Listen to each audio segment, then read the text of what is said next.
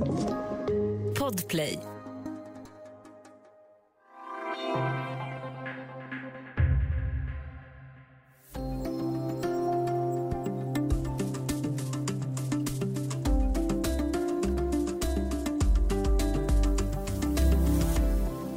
Det är påskledigt och ramadan samtidigt i år. Oavsett om man firar religiösa högtider eller inte så innebär den här perioden för vissa ledighet och för många en tid för mycket film och tv-tittande. Studio DN, idag med streamingtips inför tv-helgen. Och jag säger välkommen till dig Helena Lindblad, filmredaktör och kritiker här på Dagens Nyheters kulturredaktion. Hej! Hej! Helena, vad karaktäriserar tv-påsken för dig? Alltså TV-påsken tycker jag är, har blivit allt mer friare. Det finns väldigt lite måsten. Um, om man tänker så här, kring julen så är det ju mera så här, liksom, eh, det är julspecialer och det är julfilmer. Och, eh, men påsken har gått från att eh, jag menar för, för typ tio år sedan så skulle vi ha det här, gjort listat. Liksom, det här är tio bästa filmerna om Jesus. Men det gör vi inte längre. För att, dels är det liksom som, den, den filmgenren har ju lite så gått i stå, för det görs ju ingenting nytt. om man säger. Det finns ett antal gamla filmer. Men så, så därmed tycker jag med att, att det finns något fritt över påsken. Och det, av tradition har det också varit det här som vi importerade från Norge, så kallad påskkrim. Eh, så att det har ofta varit mycket krimserier. Det tycker jag också det har blivit mindre av. Men jag är nog som alla andra, att jag vill nog gärna liksom sjunka ner framför något, något riktigt spännande. Gärna en bra spionthriller eller något sånt. Nu tar du mig tillbaka till min egen barndom, mina formativa år när jag själv satt och faktiskt lärde mig väldigt mycket av de bibliska historierna genom att titta på Sefirellis eh, Jesus of Nazareth som alltid sändes i SVT. Och Det här var ju innan streaming fanns. Eh, jag har inte heller drillats in i att titta på de populära Ramadan-tv-serier som många bingar under fastemånaden. Så att eh, jag saknar lite Jesus of Nazareth. Jag har försökt visa den för min 11-åring. Hon tycker bara att det är lite märkligt. Men eh, Bättre ju... att satsa på Life of Brian då, tycker jag. Ja, bra idé. Bra idé. Det ska jag göra. Annars finns ju de här med nyare produktionerna, italiensk-amerikanska samproduktionerna med lite mer moderna Jesus-filmer där de ser ut som surfare och sådär från Kalifornien. Det är ett helt annat avsnitt. I, för det här avsnittet så har du förberett en lista med tips på serier för påsken. Och först ut är Julia om matikonen Julia Child. My guest this afternoon writes cookbooks. Maybe we'll rename our little program What My Wife's Been Reading. Welcome, Julia Child. What a lovely introduction. And I've come just in time. Ja, Julia hörde vi här ett klipp från. Vad gör den extra sevärd just nu, Helena? Alltså jag har alltid varit lite besatt av Julia Child som var den första vad ska man säga, tv-kocken och dessutom den som introducerade det franska köket i USA. Och hon skrev ju klassikern Det goda franska köket som också blev en stor grej i Sverige. Så, eh, och så är hon ju en otroligt fascinerande människa. Och några kanske såg filmen Julie and Julia för ett antal år sedan, där Meryl Streep spelade Julia Child. Det här är, är ju en serie, det är ett annat upplägg, det är väldigt fokuserat på henne. Eh, men det, det som är roligt med den här serien det är ju väldigt mycket feelgood. Det är ju att det kretsar enormt mycket kring mat. Första avsnittet handlar till exempel om det optimala sättet att göra en omelett. Och det andra avsnittet är beef bourguignon. Sen så pågår det sådär. Så, att, så det, det, eftersom påsken är väldigt kretsar kring mat så tycker jag att det här är lite av den optimala serien att börja med.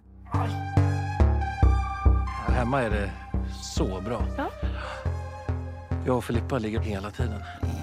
Senast i morse låg vi. vi. När allt är bra, då är det verkligen bra. Och här har vi ett eh, klipp från serien Vi i villa. Och den är regisserad av Henrik Schyffert och baserat på den bok som Petter Lidbeck gav ut 2008 under pseudonymen Hans Koppel. Och den handlar om medelklassångest och ensamhet. Hur gestaltas det i Vi i villa, Helena? Man kan ju säga att det här är liksom Solsidans svarta kusin. Eh, det är en medelklassatir, utspelar sig i ett radhusområde eh, på ett lite namnlös ort. Det handlar väldigt mycket om att göra satir, satir över liksom, eh, samtidsmar, de stora samtidsmarkörerna. Um, och det, det är, huvudpersonen är en, lite så här, en man som heter Ove Kille. Och han spelas av Mattias Nordqvist, som ni kanske kommer ihåg, som var den alkoholiserade brorsan i Vår tid nu. Och, eh, alltså det handlar väldigt mycket om sådär, hur man jämför sig med andra. Eh, det skämtas mycket om köksrenoveringarna, dödar sexlivet och så vidare. Men det är en serie som har väldigt mycket svarta. Alltså den, den är mörkare än vad man kan tro och ganska skoningslös. Och det, den här huvudpersonen som försöker liksom på något sätt spela med, han tappar det liksom och börjar gå på tvärs med alla konventioner. Men där med, jag tänker Henrik Schyffert och eh, hans närmsta kollegor, de skildrar ju medelklassliv och medelklassatir om och om igen i de flesta av sina produktioner. Hur skiljer den här sig från eh, tidigare alster? Ja, eh, ja precis. Ja, men det stämmer verkligen. att det är ju liksom, De har gjort väldigt många eh, av de här. Men jag tycker den här är också väldigt ambitiös formmässigt och visuellt. Den har en, en Ah, den har ambition, lite mer konstnärliga ambitioner, skulle jag säga, även om det låter lite pretentiöst. Ditt nästa tips är den danska succéserien Borgen vars fjärde säsong har premiär på Netflix den 14 april. Varför Borgen? Ja, det var ju en stor succé i början av 2010-talet. Första säsongen kom ju då, så körde de tre stycken. Det blev ju liksom verkligen etablerade dansk drama. Politisk drama var ju väldigt stort då. Sen tog det slut 2013 och nu kommer den tillbaka. Det är ett extremt långt uppehåll, men med delvis samma skådespelare. Och vi får, vi får möta eh, huvudpersonen som spelas av Sitste Babette Knudsen, den där fantastiska eh, danska skådespelerskan som nu är utrikesminister och hamnar mitt i ett eh, väldigt, så här, känns som ett väldigt aktuellt tema, nämligen att det hittas olja på Grönland. Och hur ska danska regeringen hantera det här? För det sätter ju allt på spel. Så det handlar ju väldigt mycket om så geopolitik, Arktis, klimatet, omställningen. Eh, jag har bara sett ett avsnitt, men det känns som den här eh, serien hamnar helt, den här säsongen hamnar helt rätt i samtidsdebatten. Finns Donald Trump med där och försöker köpa Grönland? Det får vi se, det återstår att se. Kan man börja på säsong fyra eller behöver man jag tror att man kan göra det, för det var så länge sedan så att jag kom inte riktigt ihåg allt som hade hänt. Och jag, som jag hade sett alltihopa, jag, jag minns faktiskt inte det. Men det här kändes som så här, wow, man bara sugs rakt in i det. Liksom. Du är ju väldigt förtjust i spionserier vet jag och det är ju ett av skälen till att du också vill tipsa oss nu om Slow Horses med Gary Oldman i en av huvudrollerna. Vi ska höra ett klipp. I, I don't normally do these kind of speeches but this feels like a big moment. I know it's not easy being banished from MI5 to my department, but that's on you. Only screw-ups get sent to Slough House, and I've got to be honest, working with you has been the lowest point in a disappointing career. Ja, det här är Gary Oldman. Han pratar inför sina kollegor som är en grupp dysfunktionella MI5-agenter. Berätta om Slow Horses. Vad handlar den om? Slow Horses är, är en spionthriller eh, som utspelar sig i London. Den kretsar kring MI5.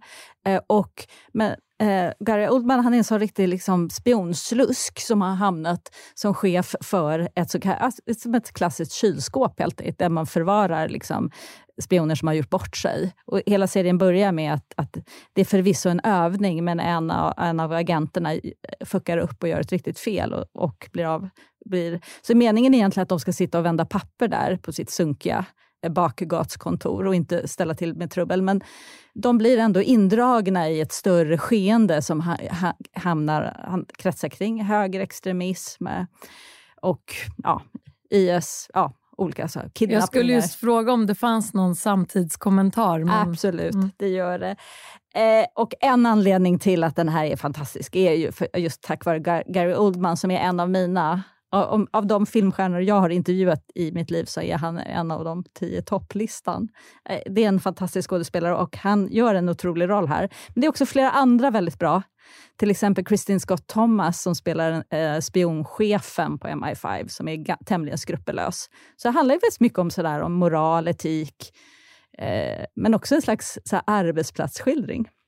En annan spionserie du vill tipsa om finns på SVT Play, Harry Palmer. Jag vet fler i min familj som följer den. Jag har inte sett den själv. Vad handlar den om? Ja, den tog jag med också för att är, vi ska ha lite SVT här. Eh, den bygger, det är en väldigt så stylish eh, spionthriller baserad på en bok av Len, Len Dytons eh, bästsäljare. Den heter ju Harry Palmer The Ipcress Files. Och den, man kan säga bara så här, snygg, kalla kriget, eh, eh, roliga, spännande förvecklingar. En serie som jag själv har på min lista det är sydkoreanska Pachinko som skildrar en koreansk immigrantfamilj i fyra generationer. Varför ska vi se den, Helena?